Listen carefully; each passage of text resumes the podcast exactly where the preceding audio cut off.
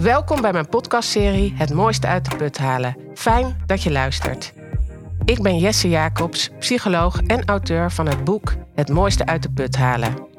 In mijn boek beschrijf ik welke groeiprincipes helpen om met tegenslagen in het leven om te gaan. In deze podcastreeks ga ik met bijzondere gasten in gesprek over een impactvolle gebeurtenis die zij in hun leven hebben meegemaakt. Maar vooral ook hoe zij met deze ervaring zijn omgegaan en hoe zij hun in de putmomenten mogelijk hebben gebruikt als bron voor hun persoonlijke groei. Vandaag in mijn podcast Frank van der Linden, journalist voor de Volkskrant, presentator van Kunst of Radio, meester-interviewer, documentairemaker en niet te vergeten auteur. Frank, welkom. Fijn waren, dat je er waren ze thuis ook maar zo enthousiast als ik dit hoorde? Vandaag ga ik met jou in gesprek over jouw leven. Maar vooral ook over de gebeurtenissen in jouw gezin van herkomst. En hoe jou dit heeft beïnvloed. Jouw ouders scheiden toen jij nog een tiener was. Eh, je moeder vertrok van de een op de andere dag. Jij en je zusje Desiree kozen ervoor om eh, nou, bij je vader te gaan wonen. En dat heeft erin geresulteerd dat je je moeder tien jaar niet hebt gezien. Of meer Ja, dan tien jaar. ja. Voor je ouders duurt de hereniging nog veel langer. Eh, zeker 40 jaar. En die periode beschrijf jij ook als de liefdesoorlog van mijn ouders. Je hebt er de fantastische documentaire Verloren Band over gemaakt. En het prachtige indringende boek En Altijd maar Verlangen over geschreven. Mhm. Als we eens even stilstaan, hè? tot je twaalfde was het gezin nog bij elkaar. Hoe heb je als kind deze tijd ervaren? Ehm, ja, toch redelijk idyllisch. Eh, eh, ik herinner me tal van mooie dingen uit die fase. Eh, heel dikwijls komt juffrouw Jansen in beeld. Die zat op de Johannesschool. ehm, en ik maakte deel uit van een klas van 40 leerlingen. Als zij moest vergaderen, en dat gebeurde zo één keer in de week tussen de lessen door, dan, dan zei ze vaak bij het verlaten van de klas. nou, Frank, kom jij maar naar voren met je grote bek. Eh, vertel jij ze maar een verhaaltje. Ik ben over twintig minuten terug. Houd ze bezig. En dan verzon ik eh, ter plekke een verhaal. En dan was het de kunst om eh, die 39 andere leerlingen ja, bij de les te houden. En lukte dat? ja, meestal wel. Echt? En, en als ze terugkwam na, na 16 minuten in plaats van 20 minuten, dan eh, schreeuwden ze dat ik eerst het verhaal moest afmaken. En dat mocht dan meestal van juffrouw Jansen. Het is maar een jeugdherinnering, maar zo zijn er talloze fijne geweest. Ook thuis met mijn ouders. Ja, en als je er eens één zou noemen met je ouders? Eh, in de cabine van, van mijn vaders DAF. eh, hij die een drumcheckie rookt op weg eh, met elkaar naar de haven van Rotterdam of Amsterdam met eh, 20 ton bollen voor Japan of Amerika. Met mijn moeder naar het strand, Langevelderslag. Zij slaagde er altijd wel in om de, de boterhammen met gebakken eieren in minuut vijf in het zand te laten vallen. En dat vonden we dan stiekem toch leuk. Eh, nee, het, eh, het was zeker geen ehm, jeugd waar alleen maar een, een zwarte wolk van de doem overheen hing. Dat, dat, dat kwam pas later. Ja, want dan komt dat moment hè, dat je moeder van de een op de andere dag besluit weg te gaan. Nou, van de een op de andere dag is iets te kort door de bocht. Zij heeft er drie jaar over gedaan. Maar wist jij dat als kind? Zeker, ik, ik wist er helaas eh, alles van. Van, van haar eh, verhouding met, met John. eh, die ze had leren kennen in een bollenschuur waar ze bijbeunde omdat we gewoon geen cent hadden.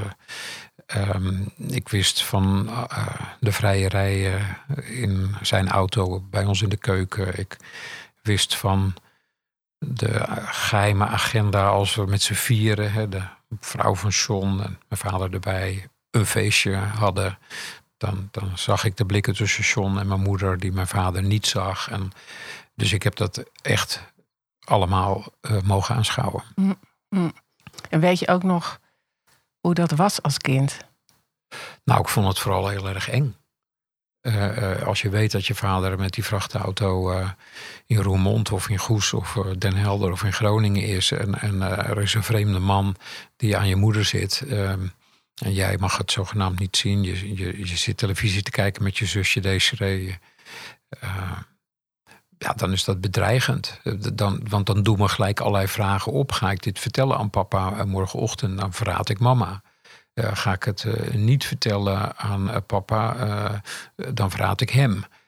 dus dat zijn hele grote vragen voor hele kleine mensen. En je schrijft ook zo mooi in het boek. Volgens mij heet de titel van die brief prop of propje.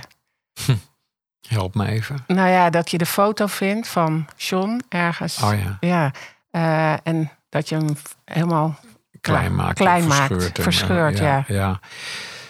ja. dat is natuurlijk een onmachtige poging om iets uh, terug te draaien. Iets, iets niet te laten gebeuren dat al gebeurd is. Ja. ja. uh, en dat kan niet. Um, ja, die, die hele toestand heeft twee, drie jaar geduurd. Hè. Van mijn moeders verliefdheid, die startte tot haar uiteindelijke besluit om te vertrekken. Uh, ze beloofde trouwen en mijn vader keerde terug weer naar John. Uh, verdween in een inrichting omdat ze letterlijk gek was van het feit dat ze niet kon kiezen. Werd op het spoor aangetroffen en er door een familielid afgesleurd. Uh, kwam weer bij ons. Dat, dat ging twee, drie jaar zo door. tot de avond of de ochtend, dat weet ik niet meer, dat, dat ze tegen mij zei. Ehm, en ze nam me op schoot, dat weet ik nog heel goed. Daar begint de bundel ook mee. Ik was 12, mhm. 13, dus dat doe je als moeder niet meer met een jongen van die leeftijd. Het moment dat ze, dat ze zei, uh, wat er ook gaat gebeuren en wat mensen ook over mij uh, zeggen, uh, geloof me echt, er is niemand van wie ik zoveel hou als van jou en van Desiree. Nou, dan weet je dat het goed mis is. Ja, en dat bleek ook wel, want de volgende dag of avond was ze weg. Ja, ja. Um, ja, jij schrijft ook, ik, ik voelde meteen gevaar. Ja, ja. dat ruik je ook. Ik denk uh, dat, dat mensen veel meer afscheiden dan alleen geluid en, en, en, en, handelingen die zichtbaar zijn voor anderen. Er zijn ook allerlei stoffen die we delen met, met anderen zonder dat we ons dat bewust zijn. Ik zat gisteren tegenover. Uh, het is dus heel indringend, heel indringend moment geweest. Zeer, ja. zeer. Ik, ik zat gisteren tegenover een, een, man die kon niet op een naam komen van een acteur. En hij kon ook niet benoemen hoe die acteur eruit zag. En toen zei ik tegen hem, Hans Kesting. Hij zei, ja, Hans, hoe weet jij dat nou? Want er zijn uh, honderden acteurs in Nederland. En zeker vijftig uh, redelijk beroemde. Ik zei, ja, dat weet ik ook niet. De, en, dat ervaar ik als een magisch moment. Ik heb iets in zijn ogen gezien, of ik heb iets geroken, of voorvoeld, of achteraf gevoeld, weet ik het. Maar er is veel meer tussen hemel en aarde. Veel meer dat ik niet kan benoemen ook, moet ik zeggen, dan uh, we veronderstellen, schat ik. Ja. ja, maar die intuïtie, die was daar toen dus ook. Zeker. En, uh, en uh, het was natuurlijk ook kennis, uh, een patroon gezien hebben van het gedrag van mijn moeder. Je, je, je voelt iets aanzwellen, je ziet iets aanzwellen. Het is allemaal aan het gebeuren. En je moet op een gegeven moment wel mm, als kind met je hoofd in een gat in de grond leven, wil je niet snappen waar dat op uitdraait. Mm, mm. En dan komt dat moment, hè, dan gaat ze. Uh, jij en je zusje, ik zei net al, die kiezen ervoor om bij je vader te blijven. Er gebeurt in die tienerjaren ongelooflijk veel aan mhm. tegenslag, zou ik bijna willen zeggen. Wat is we kunnen niet alles duiden nu hè, in deze podcast. Ehm, dat zou je verhaal ook niet eens echt recht doen, vind ik. Ehm, wat is voor jou de belangrijkste herinnering in die tijd, in die tienerjaren? Ik denk dat er een heel belangrijk moment is geweest. Het, uh, het overlijden van mijn broertje Benno. Uh, dat jochie was twee en, en kwam onder een vrachtauto van ons eigen transportbedrijf. Niet bestuurd door mijn vader, maar door zijn broer Mart. Uh, en ik denk nu, maar wat weten we zeker over onze gemoedsstemmingen en onze karakters. Ehm, maar ik, ik, ik denk dat dat te veel voor mij is geweest. Na wat er een paar jaar daarvoor was gebeurd met mijn ouders. En dat het heel goed mogelijk is dat er toen in mij iets op slot is gegaan of is vereist. In de, in de zin van lange ei en een D. Eh, dat, er, dat ik dat niet meer kon handelen. en, mhm. dat ik dat alleen maar kon door mij af te sluiten voor wat ik er werkelijk bij voelde. Maar nogmaals, ik, ik, ik heb daar geen zekerheid over. Het is een veronderstelling. Ja, ja dat is ook heel lastig hè? om achteraf nog weer te duiden hoe dat precies dan is gegaan. Ja, terwijl we dat allemaal nodig vinden. Hè? Want uh, we doen niet anders. Ja, we, we, we moeten grip krijgen op ons leven. Ja. We moeten er een bouillonblokje van maken. Samen persen tot zo is het gekomen. En er moet eigenlijk heel veel water bij om het weer tot de oersoep te maken die het ooit geweest is. Ja. Maar ja, dit is hoe ik het uh, uiteindelijk heb geformuleerd. Er, er, er, was in ieder geval iets veel te veel voor mij in die levensfase. Maar dat lijkt me ook heel logisch eigenlijk is natuurlijk een ontzettende heftige gebeurtenis geweest voor jullie hele gezin toen.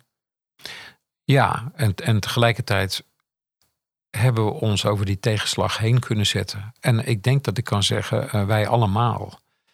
Uh, is het echt er overheen kunnen zetten geweest? Of is het het niet. Want ik krijg een beetje de indruk in het boek, mm. met name hè, uh, Geet en jouw vader, ja. dat het ook heel moeizaam was om daarover te praten. Dus wat is ehm, overheen zetten? Ja, je, je stelt een hele goede vraag. Kijk, ja, hoe vul je dat, dat begrip in? Um, ik bedoel zelf met er overheen zetten, ermee leren leven. Mhm. Niet het achter je laten, want dat is in ieder geval mij onmogelijk gebleken. En ik denk ook de, de, de anderen die erbij betrokken waren. Um, dus je kan nog mooier misschien zeggen dat we er allemaal in de loop der jaren een omgangsregeling uh, voor hebben kunnen vinden. Uh, en mijn omgangsregeling was in eerste instantie uh, het niet voelen. Uh, heel, heel lang niet voelen. Ook in de breedste zin van het woord. Niet alleen over Benno's overlijden niet, maar eigenlijk ook niet meer over de scheiding. over mijn eigen onzekerheid. Ik, ik was stoer, ik, ik kon alles. Ik ging de beste interviewer van Nederland worden. Ehm, de wereld was voor mij. Hm. Eh, en met de liefde zat het ook allemaal helemaal snor. Dus er is heel lang sprake geweest van het leven in een zelfgecreëerde verschansing. Voor meer informatie over de groeiprincipes bij tegenslag, lees het boek Het mooiste uit de put halen of kijk op jacobstraining.nl. Ik zei net al even, het duurt zeker nog 40 jaar voordat jouw ouders uh, zich met elkaar herenigen. Jij noemde dat um, de liefdesoorlog van mijn ouders. Prachtig Mhm. woord. Maar wat maakt dat je dat woord hebt gebruikt? Uh, omdat het uh, een, een uh, dubbelzijdig woord is. dat recht doet aan de complexiteit van hun gevoelens. Kijk, um, in ieder geval haatte mijn vader mijn moeder. Dat was althans hoe hij het zag. Um, in de loop der jaren ben ik gaan zien dat dat ook liefde was. Uh, want die haat, uh, die was eigenlijk als een sok binnenste buiten getrokken liefde. Ja, ja. het, het, haat het was, is de achterkant van liefde. Het was betrokken, ja. betrokkenheid. De sok was betrokkenheid, de een of de andere kant op haat of liefde, maar betrokkenheid. Bij mijn moeder zat het anders. Bij mijn moeder was het zo dat zij uh, weliswaar nog hele warme gevoelens had voor mijn vader, maar ze had ook een hekel aan hem, um, omdat hij niet in staat was haar vergiffenis te schenken. En daar verlangde zij naar. Dat had zij in ieder geval van hem nodig. Dus er waren verschillende agenda's die als gemeenschappelijk punt hadden dat ze allebei een uh, zeer gelaagde, soms innerlijk tegenstrijdige set aan gevoelens voor elkaar uh, hadden. Mm. Mm. En uh, dus was het liefde en het was oorlog. Als je die tegenslagen meemaakte, dan zeg ik wel eens, dan leer je jezelf ook heel goed kennen. Bepaalde patronen, waar je er net al een paar van noemde moet je door de gebeurtenissen soms opnieuw tegen het licht houden. Mm. Um, je zou ook kunnen zeggen, uh, moet je misschien soms wat nader onder de loep nemen, omdat je een beetje vast komt te zitten als je de tegenslag namelijk niet helemaal doorleeft. Mm. Um, jij noemde net al wat patronen. Ik zet op mijn gevoel stop. Ja. ja. Uh, Denk ik, hè? want ik, er is geen meetlat waarmee je die psychologische processen kunt. Klopt. Uh, ja, kunt taxeren. Nee, het zijn klopt. allemaal veronderstellingen. Nee, Psychologie. En vaak maak je die pas achteraf. Ja, dus ik, bedoel, ik ben psychologie enorm gaan relativeren. En soms lach ik er ook enorm om. Want misschien, ja, want misschien word ik wel veel meer bepaald door de vraag hoe vaak het in mijn leven regelt. Hoeveel appels ik heb gegeten. Of ik wel of niet in Botswana of Bolivia ben geweest. Of hoe mijn hormonen hiphoppen. Om maar, maar een paar is, andere dingen te noemen. Nou ja, maar het is ook wat jij net zegt. We proberen er toch hè, uh, een nou ja, op verhaal te komen. We, Ja, we- zeker. we proberen toch te duiden. We proberen onszelf toch te snappen. Maar ik denk dat we er wel eens bij gebaat zouden kunnen zijn als we tegelijkertijd in staat zouden kunnen zijn om dat verhaal te relativeren. En er ook een beetje om te glimlachen. En te zeggen, nou ja, dit is mijn onvolkomen poging om er betekenis aan te geven. Misschien zit het wel heel anders. Kijk, ga je naar een nieuwe therapeut die tegen jou zegt, ja maar lieve jongen, je denkt nou dat het allemaal aan je vader en je moeder en je eigen onvolkomen reacties. Maar heb je gezien uit welke sociaal-economische laag je komt? Eh, weet je wel hoeveel invloed die leraar op je had? En dan ga je naar huis met een nieuw leven. Ja. Met een nieuwe interpretatie althans van dat leven. Terwijl als je een andere therapeut had eh, genomen, dan zou je met een andere nieuwe interpretatie naar huis zijn gegaan. Ja, of het relativerende van tante Henny. Ja, bedoel, eh, ja, de tante die tegen mij zei: Ach, kerel, dat is ook maar one way of looking at it. Wil jij nog een glaasje wijn? Ja. Ja, Ja. dat kan ook. Maar toch, hè, ik ben eigenwijs. Ehm, Dat schept een band. eh, jij zegt, eh, jij, jij schrijft best wel, beschrijft best veel patronen van jezelf. Mhm. Die je in de loop der tijd onder de loep hebt genomen. Ja, Of, hè, ja. Een van de dingen is natuurlijk de harde werker, maar ook de ambitieuze die de top van de journalistiek wil bereiken. Ook de loyale. Hè, degene die zeker in die beginjaren na die scheiding voor zijn vader koos.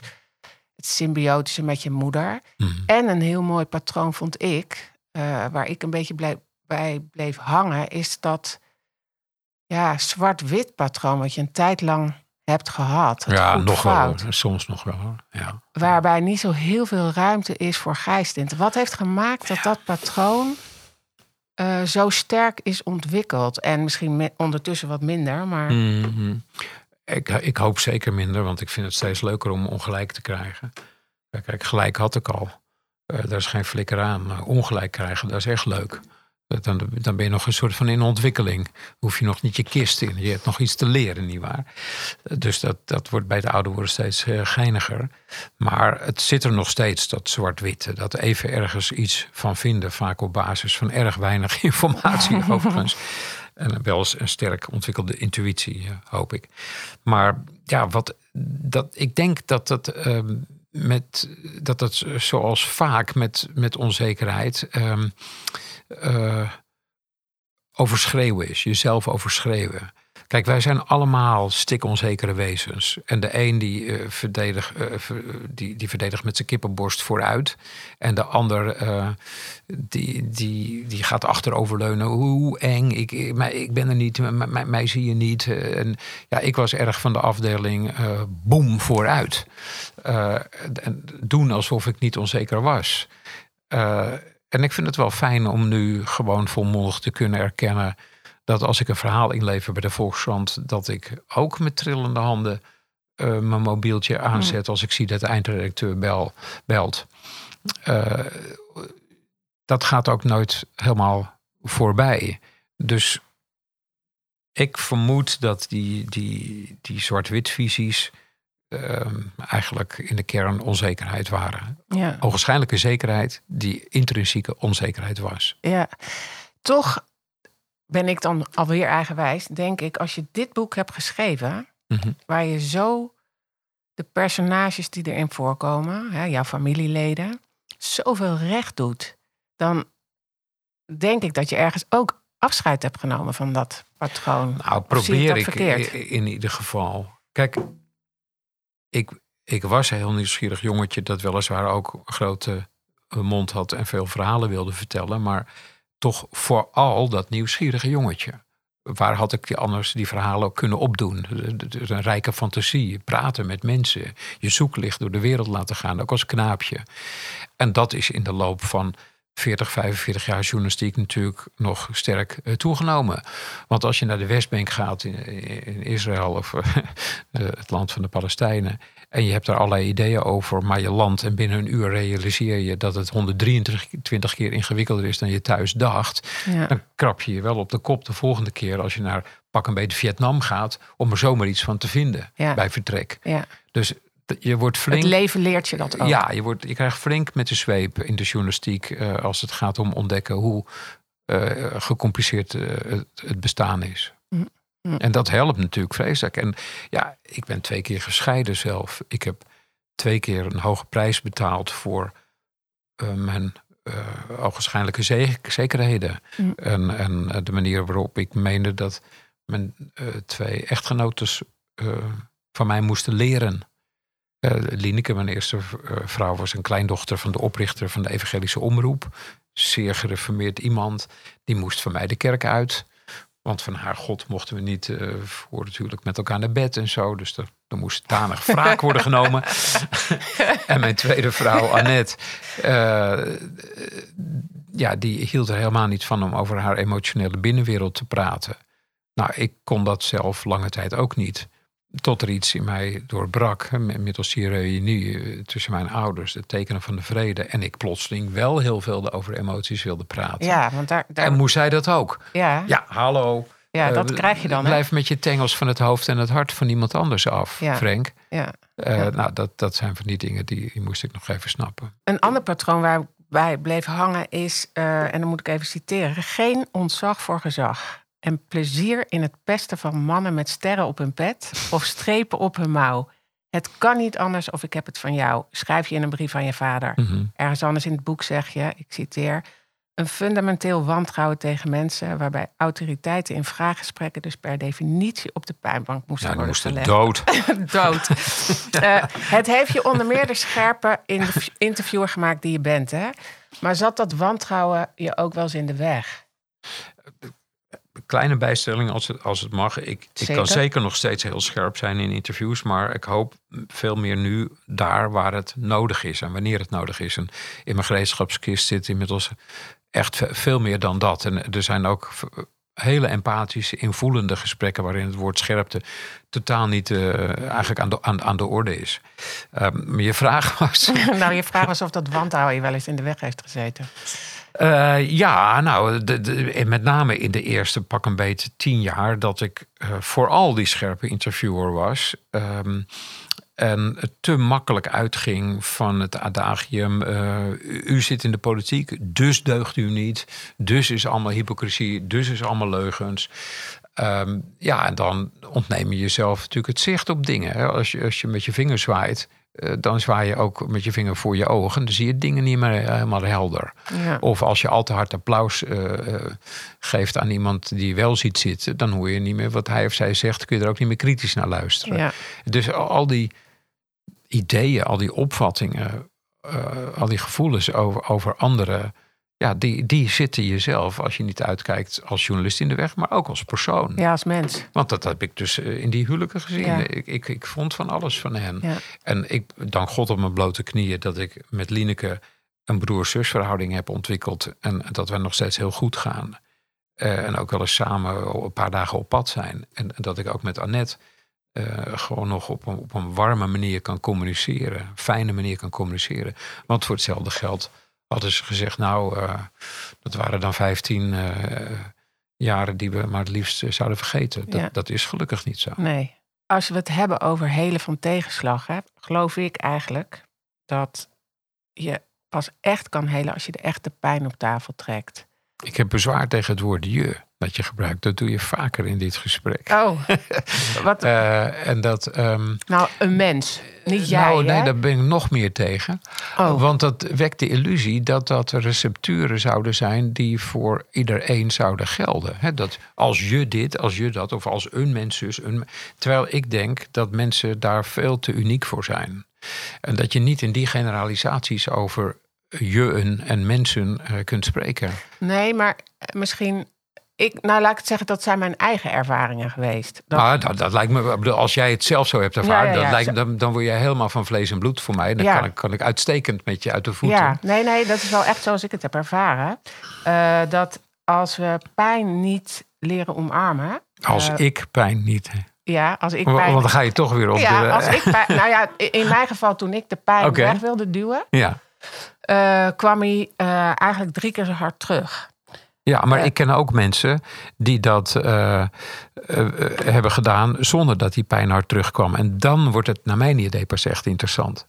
Want dan is de vraag, hoe komt het dat het voor jou het goede eh, recept was? Mhm. En hoe komt het dat dat bij een ander niet zo is? En dat vind ik een stuk interessanter dan eh, de veronderstelling dat die manieren van werken voor iedereen eh, en voor de meesten van ons zouden gelden. Mhm. Het doet ook te weinig recht aan de uniciteit van ieder mens. Ja, dus jij gelooft heel erg dat elke nou, dat tegenslag voor ieder anders kan uitpakken. En dat ieder zijn eigen manier daarin heeft van verwerken. Ja. En dat het niet per definitie zo is dat als je de pijn op tafel trekt, Zeker niet. eh, dat die daarmee eh, ook meer plek kan krijgen. Of Nee. dat je meer rust kan vinden. Nee, kijk. ehm, Hoe is het bij jou gegaan? Nou, eh, toch, toch nog één kort. eh, Ieder mens is een absurde optelsom van duizend en één factoren die hij of eh, die hij hem of haar hebben gemaakt tot wie hij of zij geworden is. Mhm. Eh, opvoeding, eh, welstand, personen die je hebt ontmoet, allerlei levenservaringen, de genoemde hormonen. En dat betekent dat al die mensen, al die flats hier om ons heen, die worden bevolkt door unieke wezens. Mhm. Met unieke levenspatronen, met unieke reacties op dingen, met unieke manieren van leven. En dus ook eh, unieke formules om hun eigen pijn te hanteren. Die zullen misschien niet allemaal 100% tegengesteld zijn, maar stuk voor stuk hebben zij hun eigen pakketje bij zich. Ook als het gaat over hun manieren van overleven en omgaan met pijn. En ik vind het het meest interessant om, om zo naar die mensen te kijken van hoe doe jij dat in die situatie op dit moment? En dan doe je hen denk ik het meeste recht. Meeste recht. En ik voel mezelf ook het meeste recht gedaan als anderen eh, de moeite willen nemen, zoals jij nu doet, om naar mij te kijken. Ja, ja, want ik wil je zeker recht doen aan je Nee, verhaal. dat, maar dat doe je ook. Ja, ja. Maar het is ook leuk om toch met elkaar uit te ja, ja, vogelen. ja, hoe- ja, nee, nee, zeker. Toch even de vraag. Ja. Is dat maken van die documentaire, eh, Verloren Band, en dit boek... Mhm. een actief helingsproces voor jou geweest? Eh, zeker. In mijn geval eh, heeft dat, zonder dat ik het me bewust was bij het maken van de film, twaalf jaar geleden, toch echt zo uitgepakt. Maar het was niet het doel. het doel was aanvankelijk. Mijn moeder heeft Alzheimer gekregen. Die heeft misschien nog maar een half jaar eh, aan helderheid.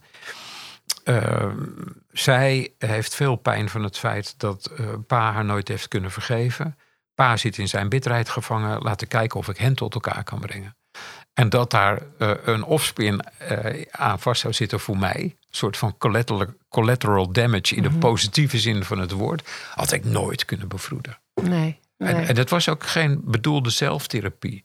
Nee het was bedoeld om hem bij elkaar te ja, brengen. Niet en- voor jezelf in eerste Maar instantie. je hebt zonder meer gelijk dat het uiteindelijk misschien nog het meest een groot geschenk aan mezelf is geworden. Wat was het geschenk? Nou, dat. Ja, als je je vader en moeder zo'n eh, oorlog hebt zien uitvechten. Dat, dat de avond waarop zij elkaar in de Ronnestraat 22 in Lelystad. en dat is toch echt geen romantische plek. eh, elkaar in de armen vallen. En, en, en, en dan drie uur als tortelduiven op de rand van de bank zitten, hand in hand. Ja, ik ben tot over mijn oren op Milou nog steeds, mijn, mijn huidige echtgenote. En de ochtend dat wij met elkaar trouwden, dat zijn de mooiste momenten uit mijn leven geweest. Maar ex equo op één staat hier reunie van mijn vader en moeder. Ja. Van die avond. Ik heb, ik heb 40 jaar eigenlijk niet of nauwelijks gejankt. Eh, maar die avond heb ik een hele Kleenex-doos leeg eh, ge- gesnotterd. En ik vond het een feest. Ja, het is, vond- het was, het, het is het was heel een mooi. groot, groot genot om, Ja. om eindelijk te kunnen, te, kunnen, te kunnen huilen. Ja, want in een van die brieven beschrijf je dat ook, hè? Ehm, mag ik je citeren? Tuurlijk. Ja. Eh, wat ik zeker weet is dat ik sinds mijn puberteit niet meer echt had gehuild. Vreemd genoeg hield ik het zelfs bij twee echtscheidingen droog. Maar toen ik jullie, mijn vader en moeder, die avond in de Flevopolder tegen elkaar aan op de bank zag zitten, de handen verstrengeld, de blikken versmolten, durfde ik af en toe niet meer te kijken.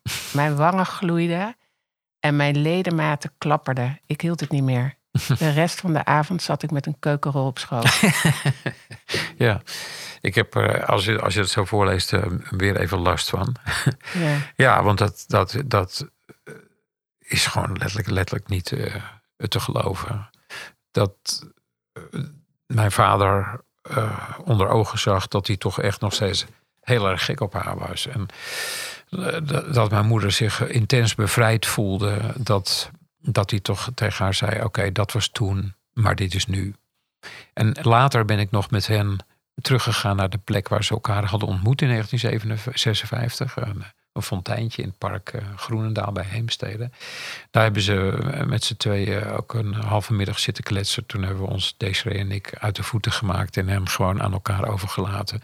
En van een afstandje gefilmd. Dat zijn gekoesterde beelden. Ja, Dus dat. eh, het raakt je nog, hè? ja, en, en, ja, zeker. zeker. En ik, ik, gun, ik gun zoiets als dit iedereen. En misschien kon het wel gebeuren doordat ik helemaal niet wilde dat het per se voor mij zo geweldig zou uitpakken, maar dat ik het echt voor hen wilde.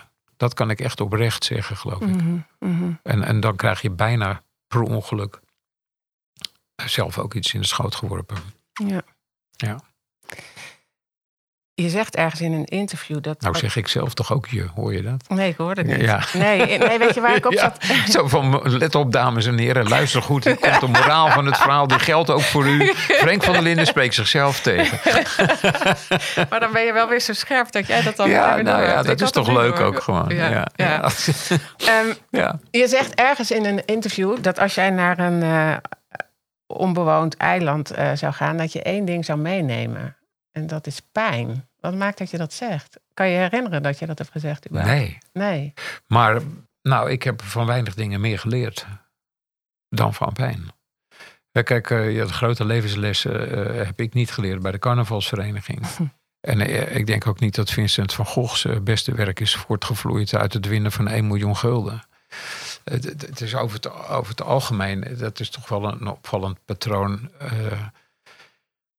Eh, voor, voor, voor velen eh, eh, eerder een, een, een verdriet, pijn, een bron om, om uit te putten dan de grote festiviteiten. Ja, dat denk ik ook. En ja, dat, dat Schopenhauer heeft daar iets heel moois over gezegd. hè. Die, die, die zegt eigenlijk met zoveel woorden dat, ehm, dat het een, een voorafkondiging is van de dood. Dus dat als je eh, als een mens groot verdriet ervaart, dat hij, dat hij kan denken op een onbewuste laag eigenlijk kan voelen van ja, straks is het helemaal over. Straks is alles voorbij. En dit is als het ware al een teken. En, en zo, zo voelt dat straks maal duizend. En, en dat reikt toch wel even ietsje dieper Mhm. dan eh, een feestje en, en een lekker pilsje. Ja, ja, absoluut. Ja. Ehm, Dus dat, pijn kan, zijn, kan iets zijn om dankbaar voor te wezen. ja, wat is het meest pijnlijke stuk wat jij in dit verhaal hebt moeten Hmm. mogen omarmen? Nou, ik denk uiteindelijk dat ik de pijn mezelf, mezelf tot grote hoogte heb aangedaan. Ik was het die die rigoureuze keuze maakte. Ik wil mama nooit meer zien. Ik heb mijn zus daarin meegesleept. Ehm, en, en dan kan ik tegen mezelf zeggen: ja, eh, joh, Frank, eh, een kereltje van 13, zwaar onder de invloed natuurlijk van die withete en verdrietige vader. Die brief aan de rechter, die heb je wel zelf geschreven. Hij wist er echt niets van, maar impliciet is die ingegeven geweest door hem. Dat is allemaal waar. Maar de actie, al die dingen die daarop volgden, die, die kwam van mij. Mhm. Die kwamen van mij. Eh, Mijn moeder wegsturen aan de rand van het schoolpijn. De brieven van mijn moeder verscheuren. Mijn moeder uitschelden in bijzijn van anderen als ze probeerden eh, in mijn buurt te komen. Al, al, die, al die dingen. Dus dat is allemaal een cadeautje van, eh, van Frank zelf geweest natuurlijk. Die eh, brief hè, die jij hebt geschreven en waarvan je lange tijd niet meer precies wist wat daarin stond. Die mijn moeder had geschreven. Ja, die jij, die jij aan je moeder hebt geschreven. Nee, nee, nee. Ik heb, Oh. ik heb mijn moeder... Oh, je bedoelt in deze bundel? In deze bundel. Ja, ja. ja, ja, ja. het is een grappig misverstand. Ja, ja. Ja, mijn moeder heeft dus heel veel brieven geschreven die ik nooit heb gelezen, want ik verscheurde ze. En deze brieven van mij heeft zij nooit kunnen lezen, want ze was al dood toen ik het boek publiceerde. Ja, ja. En er is één brief eh, hè, die jij eh, schrijft. Zou je die willen voorlezen? Of Zeker. Ja, ik ben benieuwd welke je hebt gekozen. Deze? Die, eh, Ja, Dit was uh, voor de rechtbank in Ja. Haarlem. Het was dus niet iets wat ik schreef, maar wat ik verklaarde. En uh, dat heeft de griffier van de rechtbank uit mijn, mijn mond uh, opgetekend. Ik stond dus daar. Toen was jij 13, hè? Vijf, 15. 15. ja. Hm. Frank, de zoon, verklaart. Iedere keer als ik aan mijn moeder denk, word ik hypernerveus. Dat heeft nadelige gevolgen op school. De laatste drie jaar zijn naar Leidense weg geweest. Mijn moeder heeft die toestand geschapen. Zij was iedere avond weg. Ze hield volgens mij weinig van ons. Nu wil ze de lieve moeder uithangen. Het doet mij allemaal niets meer. Ik heb op het ogenblik helemaal geen zin in, het ontmoeten van mijn moeder. Mogelijk verandert dat in de toekomst. Daar komt bij dat mijn moeder mijn zus Desiree veel liever ziet dan mij. Ze vraagt nooit naar mij. Ze wil mij zien omdat ze dan ook Desiree komt te zien. Als ik wat ouder ben, kan ik beter beslissen. De toestand is nu nog zo vers. Ik wil mezelf een beetje tot rust brengen. Ik heb mijn moeder dit ook geschreven. Mijn moeder heeft teruggeschreven dat zij contact met ons wil, maar ze laat geen adres na. Maar lulkoek. Ja, want hoe lees je dat nu als je. nou, ja, god, ik, je probeert iemand zijn zijn kont te redden. Met, met dingen die eh, voor het overgrote deel nergens op slaan. En eh, ik was toen nog eh, razend op mijn moeder. Ja, ja. En in, in dit hoofdstuk van het boek. eh, kom Dit is ik, ook een eh, beetje dat zwart-wit, hè? een beetje. eh, in dit hoofdstuk kom ik uiteindelijk tot de conclusie dat ik mezelf deze brief moet, deze verklaring eh, moet vergeven. Om, ja, omdat, omdat ik eh, gewoon niet wist wat ik moest. Omdat ik tegenover mijn vader solidair wilde zijn. Omdat ik een absolute keuze wilde maken. En ja, als kind probeer je op die manier aan, aan, de, aan de hele handel te ontkomen. Nou, ik schrijf op een gegeven moment dat ik mezelf dat vergeef. Maar dat als ik dat doe, dat ik dan ook. ehm, wat het menselijk tekort is niet alleen aan mij uitbesteed. Maar dat ik dan ook mijn vader en mijn moeder moet vergeven voor de dingen die zij in die periode fout hebben gedaan. En dat dat eigenlijk een bevrijdend inzicht is. Uiteindelijk verlaat ik dat Noord-Hollands archief, waar ik deze verklaring van mezelf eh, vond op een dag, toch redelijk eh, jubelend. Want het, het, het was alsof ik zelf een hele grote last van mijn schouders tilde. Als ik mezelf kon vergeven, moest vergeven, dan kon en moest ik dat ook mijn ouders doen. Mhm. Eh, dus dat was voor mij uiteindelijk een hele feestelijke wending in dezelfde straat. 100 meter dit archief van de rechtbank waar mijn vader en moeder waren gescheiden. Ja, je zegt feestelijke wending. Is het, had je dat niet verwacht? Was het, kwam dat een Nee, beetje- want in eerste instantie toen ik het las, eh, zat ik daar eh, echt wel heel treurig te zijn over mezelf. Dat ik dacht dat ik me hier ooit toe heb verlaagd. Deze Nee. leugens over mijn moeder, die niet van ons zou hebben gehouden. Die, enfin, ik ga het niet herhalen. Mhm. Ja, dat vond ik deerniswekkend. eh, en naar. Ehm, en dat je dan toch in ene beseft, ja, maar wacht even. Dat, dat, dat, je kan het glas ook half vol denken. Je kan het glas ook half vol voelen. En, en dat is een soort van baron van Munchausen act. hè. Iemand die zichzelf uit zijn eigen haren uit het moeras haalt. Dat kan dus. Mm. Eh, in ieder geval kon ik het op dat moment. Ik heb het lang niet altijd in mijn leven gekund, maar op dat moment daar wel. Mhm. Ehm, ik heb je gevraagd naar een lied, naar een muziekstuk dat inspireert in lastige tijden. Mhm. Je hebt gekozen It Will Take a Long Time, gezongen door Sandy Denny, die ik nog niet kende, maar ja, nu dus wel. Eh, laten we even luisteren.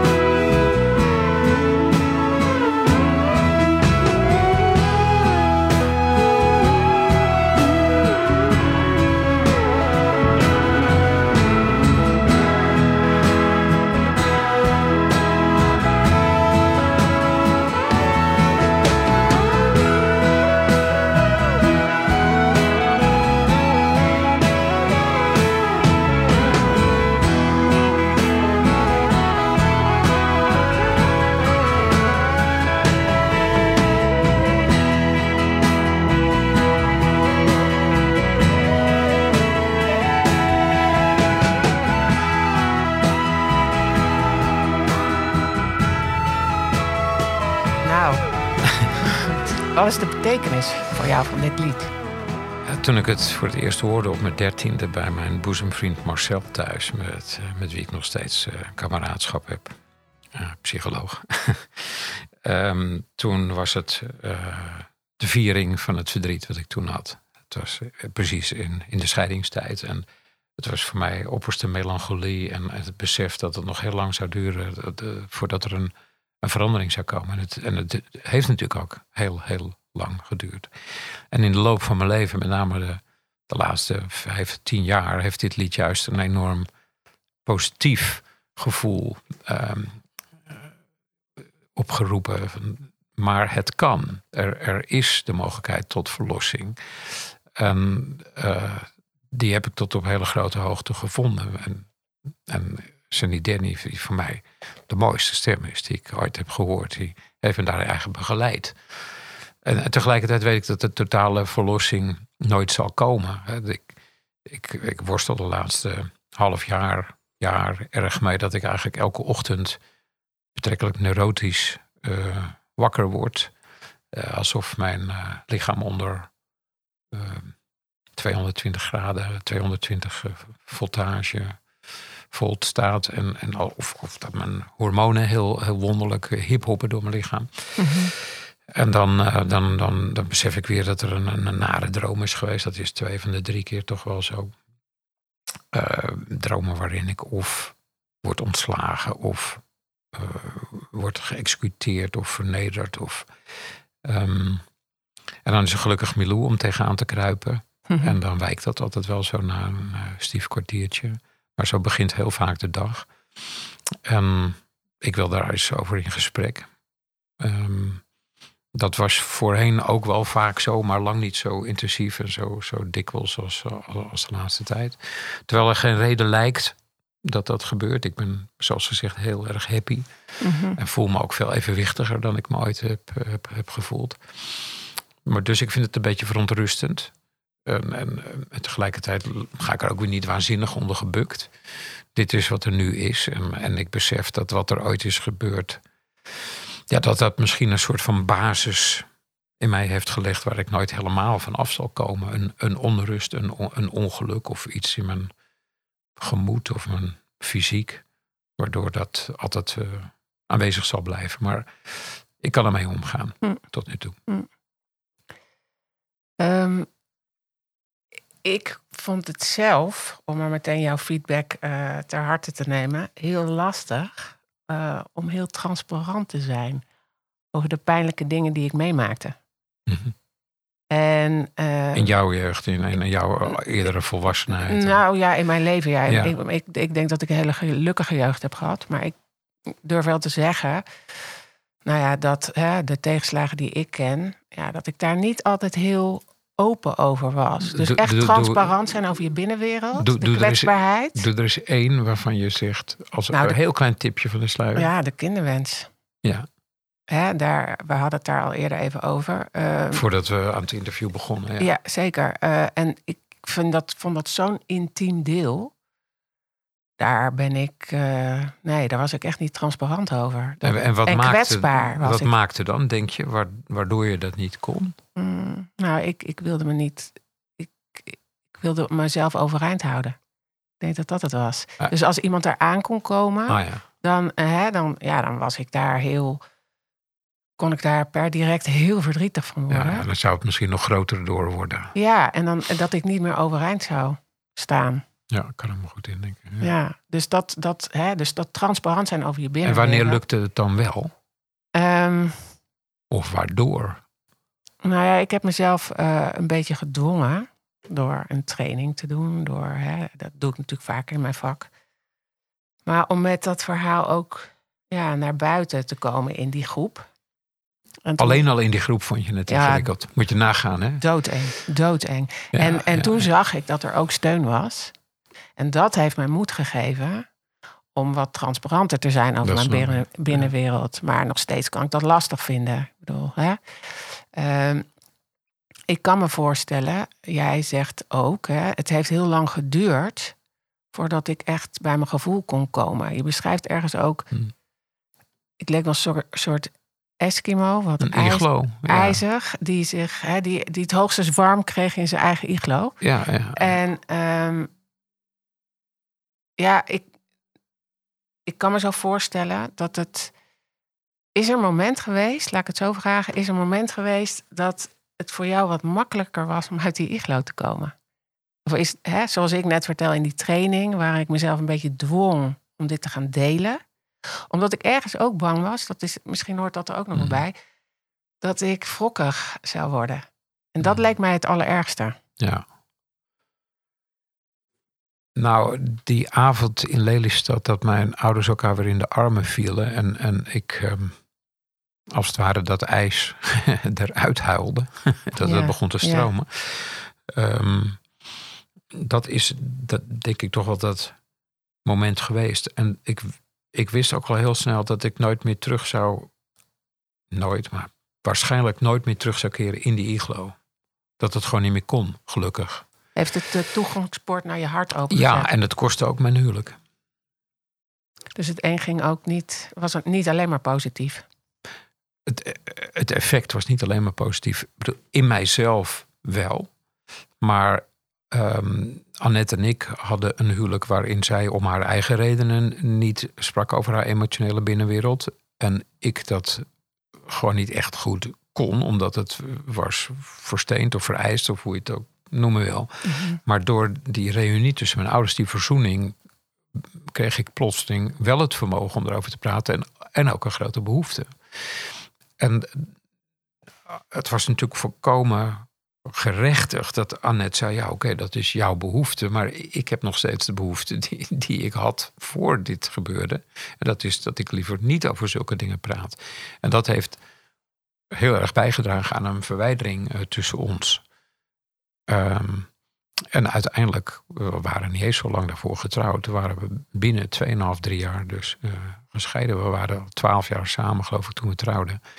En eh, 2,5, 3 jaar later gingen we uiteen. En in, in het midden van die drie jaar maakte ik die film over mijn ouders. En ik, ik zie daar toch wel een zeker verband tussen. Ja, ja. Nou ja, het, het, volgens mij kan ik me zo voorstellen dat als, bij mij werkt het zo dat als je contact maakt met je eigen gevoel, dat is stap één, zeg maar. hè, Mhm, mhm. eerst moet je het bij jezelf er, gaan Dat vinden en erkennen. ja, ja, ja. En vervolgens is het, vond ik, nog lastiger om ermee naar buiten te komen. Dat zei ik net al.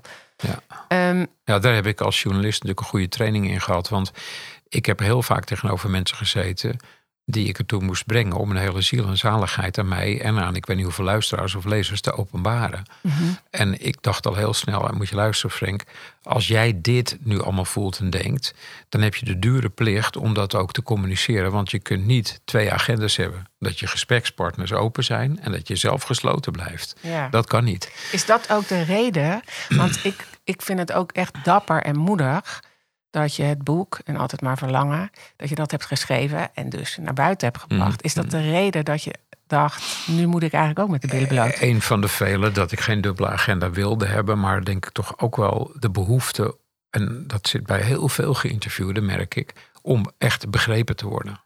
Eh, Er waren over mij en er zijn over mij begrijpelijkerwijs allerlei oordelen. Eh, En als je iets van jezelf toont, kijk, zo, zo en zo zijn dingen gebeurd in mijn leven. Misschien hebben die dat, dat en dat effect gehad. Snap mij, dan kan dat misschien iets bijdragen aan ja, het afnemen van bepaalde oordelen over je. Grote bek, egocentrist, noem het op. Ehm, en er is gelukkig ook altijd een andere kant van het verhaal over mij geweest. Maar ik wilde het toch wel iets rijker maken dan die, die zwart-wit dimensies. Ja, ja. En in dat opzicht zijn verhalen die mensen vertellen. Of het nou romanciers zijn die verhalen vertellen. Of, of mensen die in een buurtcafé met elkaar zitten te praten. Natuurlijk ook uitgangen. Hè, eh, manieren om, om in ieder geval voor een deel uit je labyrint te stappen. Dat, dat draagt daar kan daar enorm aan bijdragen. Heeft het ook nog een worsteling opgeleverd om met zoveel rauwheid, eerlijkheid naar buiten te komen? Nou, Milou, die, die was mijn eindredacteur en die, die zei, ik heb haar iedere brief laten lezen. Ehm, denk erom, het moet gevoelig zijn. Dus als je dit doet, doe het helemaal. Maar het mag nooit sentimenteel worden. En die grens heeft zij heel goed bewaakt. Dat is ongelooflijk goed gelukt. ja, daar heb je zelf niet zoveel zicht op. Nee. Eh, en, Dat is ook eh, moeilijk hè, als je erin zit. ja, want die emoties, die, die, die, die verdonkere manen, je, je, ja, die werpen een schaduw over je rationele overwegingen. En dan helpt het als iemand heel veel van je houdt en tegelijkertijd zoveel van eh, je houdt dat ze je ook een klap voor je kop wil geven. Ja, dat is ook kritisch durf te zijn. En kan zijn, ja. Maar ik, ik, ik vind het echt een prachtig boek. Dank je je. schrijft met zoveel liefde over je ouders. En ook over de processen waar je zelf hè, doorheen bent gegaan. Ik realiseer me, terwijl ik dat net vertelde over dat wakker worden s'morgens, dat, ehm, dat ik dat bijvoorbeeld toch ook echt wel eng vond om dat even te zeggen. Eh, Dat, Ja. weet, dat weet, dat weet, dat weet Dat eh, ik. eh, zelfs een aantal mensen in mijn eigen omgeving niet echt.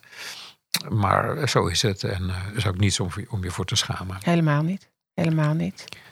En ehm, nou, ik, ik vind die eerlijkheid, die, ja, die oprechtheid, die vind ik echt super mooi. Ook hier aan tafel. Maar eh, Milou heeft daar ook nog eens, best wel een wijze, wijze dame, ook nog wel een keer, eh, laatst nog, een paar weken geleden, nog iets heel goeds over gezegd. Die zei: ehm, Het is pas ehm, echt gewaagd als jij zelf niet weet hoe dat afloopt. ja, dan is het pas eh, spannend. Ja, en ze zei: Je, je doet het nog vaak te bewaakt. Oh ja, ja. Eh, Dat het veilig is om dat te zeggen, maar je zou soms ook, en misschien was net hopelijk zo'n moment met dat wakker worden en die dromen. Je moet het ook durven doen als je niet precies weet wat dat voor repercussies heeft, wat dat oproept. Dat is echt transparant zijn over je binnenwereld. Ja, in mijn eh, optiek. Ja, ik, ik denk, ja, dat deel ik wel. En ik weet echt niet waar dit verhaal met, met die nachtmerries en zo nou precies vandaan komt en waar, naartoe, waar het naartoe leidt. Dus ik, Ik hoop dat ook- Milou luistert. en, ik, en, ik zou het, en ik zou het niet zomaar durven duiden. Eh, nee, ik, jij zei net er even iets over. Ehm, je zei, ja, nou ja, dit voorbeeld wellicht, hè, dat, dat, ja, dat dat nog een relatie heeft met nou ja, de eh, Tja, tegenslagen die we net onder meer hebben besproken. Maar wie zal het zeggen? Ja, Ehm, toch, als ik het boek lees, eh, voelt het wel alsof je grote delen van dit, deze tegenslagen hebt geheeld. En los daarvan vind ik ook ja, dat je veel wijzer bent geworden, mag ik dat zeggen? jij wel. Ja, het, het, het, is, het is voor mij echt een treffend voorbeeld van het mooiste uit de put halen. Nou, ik, ik, ik, ik denk dat ehm, er- een zelden of nooit een situatie is waarin alle hoop is opgelost. Ik, ik moet heel vaak denken aan, aan is dit een mens van Primo Levi? Zijn, zijn bijna te mooie, goede, sterke boek over Auschwitz. Hij kwam met opgeheven hoofd dat kamp uit. Hij was erin geslaagd om dat te overleven en had, ja, was er, ook dikwijls in geslaagd om humaan te blijven in die situatie. En tegelijkertijd heeft Primo Levi zijn leven beëindigd door zich op zijn tachtigste in een liftkoker in, in Turijn te werpen. We weten niet of er een relatie he- heeft gehad met Auschwitz. Het kan zijn dat, dat zijn vrouw hem eh, twee jaar daarvoor was ontvallen. Ehm, maar dus er, is altijd die wonderbaarlijke mix van, van, van hoop, eh, wanhoop. eh, Maar het is niet eendimensionaal zo. Als jou iets overkomen is, dan, dan houdt alles op. Misschien houdt het wel weer op een dag op, al dan niet in een liftkoker in Turijn. Maar er blijven altijd mogelijkheden, hoe beperkt ook, om, om jezelf en je omgeving enige mate te, te bevrijden van, van wat je in een richting heeft gestuurd waar je verdrietig door werd. Ja, en dat is het mooiste uit de put halen. Ja, dankjewel. Ja. Jij bedankt. Ehm, ja, ik heb genoten van eh, deze podcast. Merci. Dankjewel. Ja, ik vond het ook heel mooi. Wil je niks missen van deze podcast? Abonneer je dan via je favoriete podcastplatform. Heb je vragen of wil je met Jesse Jacobs in contact komen? Ga dan naar jacobstraining.nl. Deze podcast wordt geproduceerd door podcastguru.nl.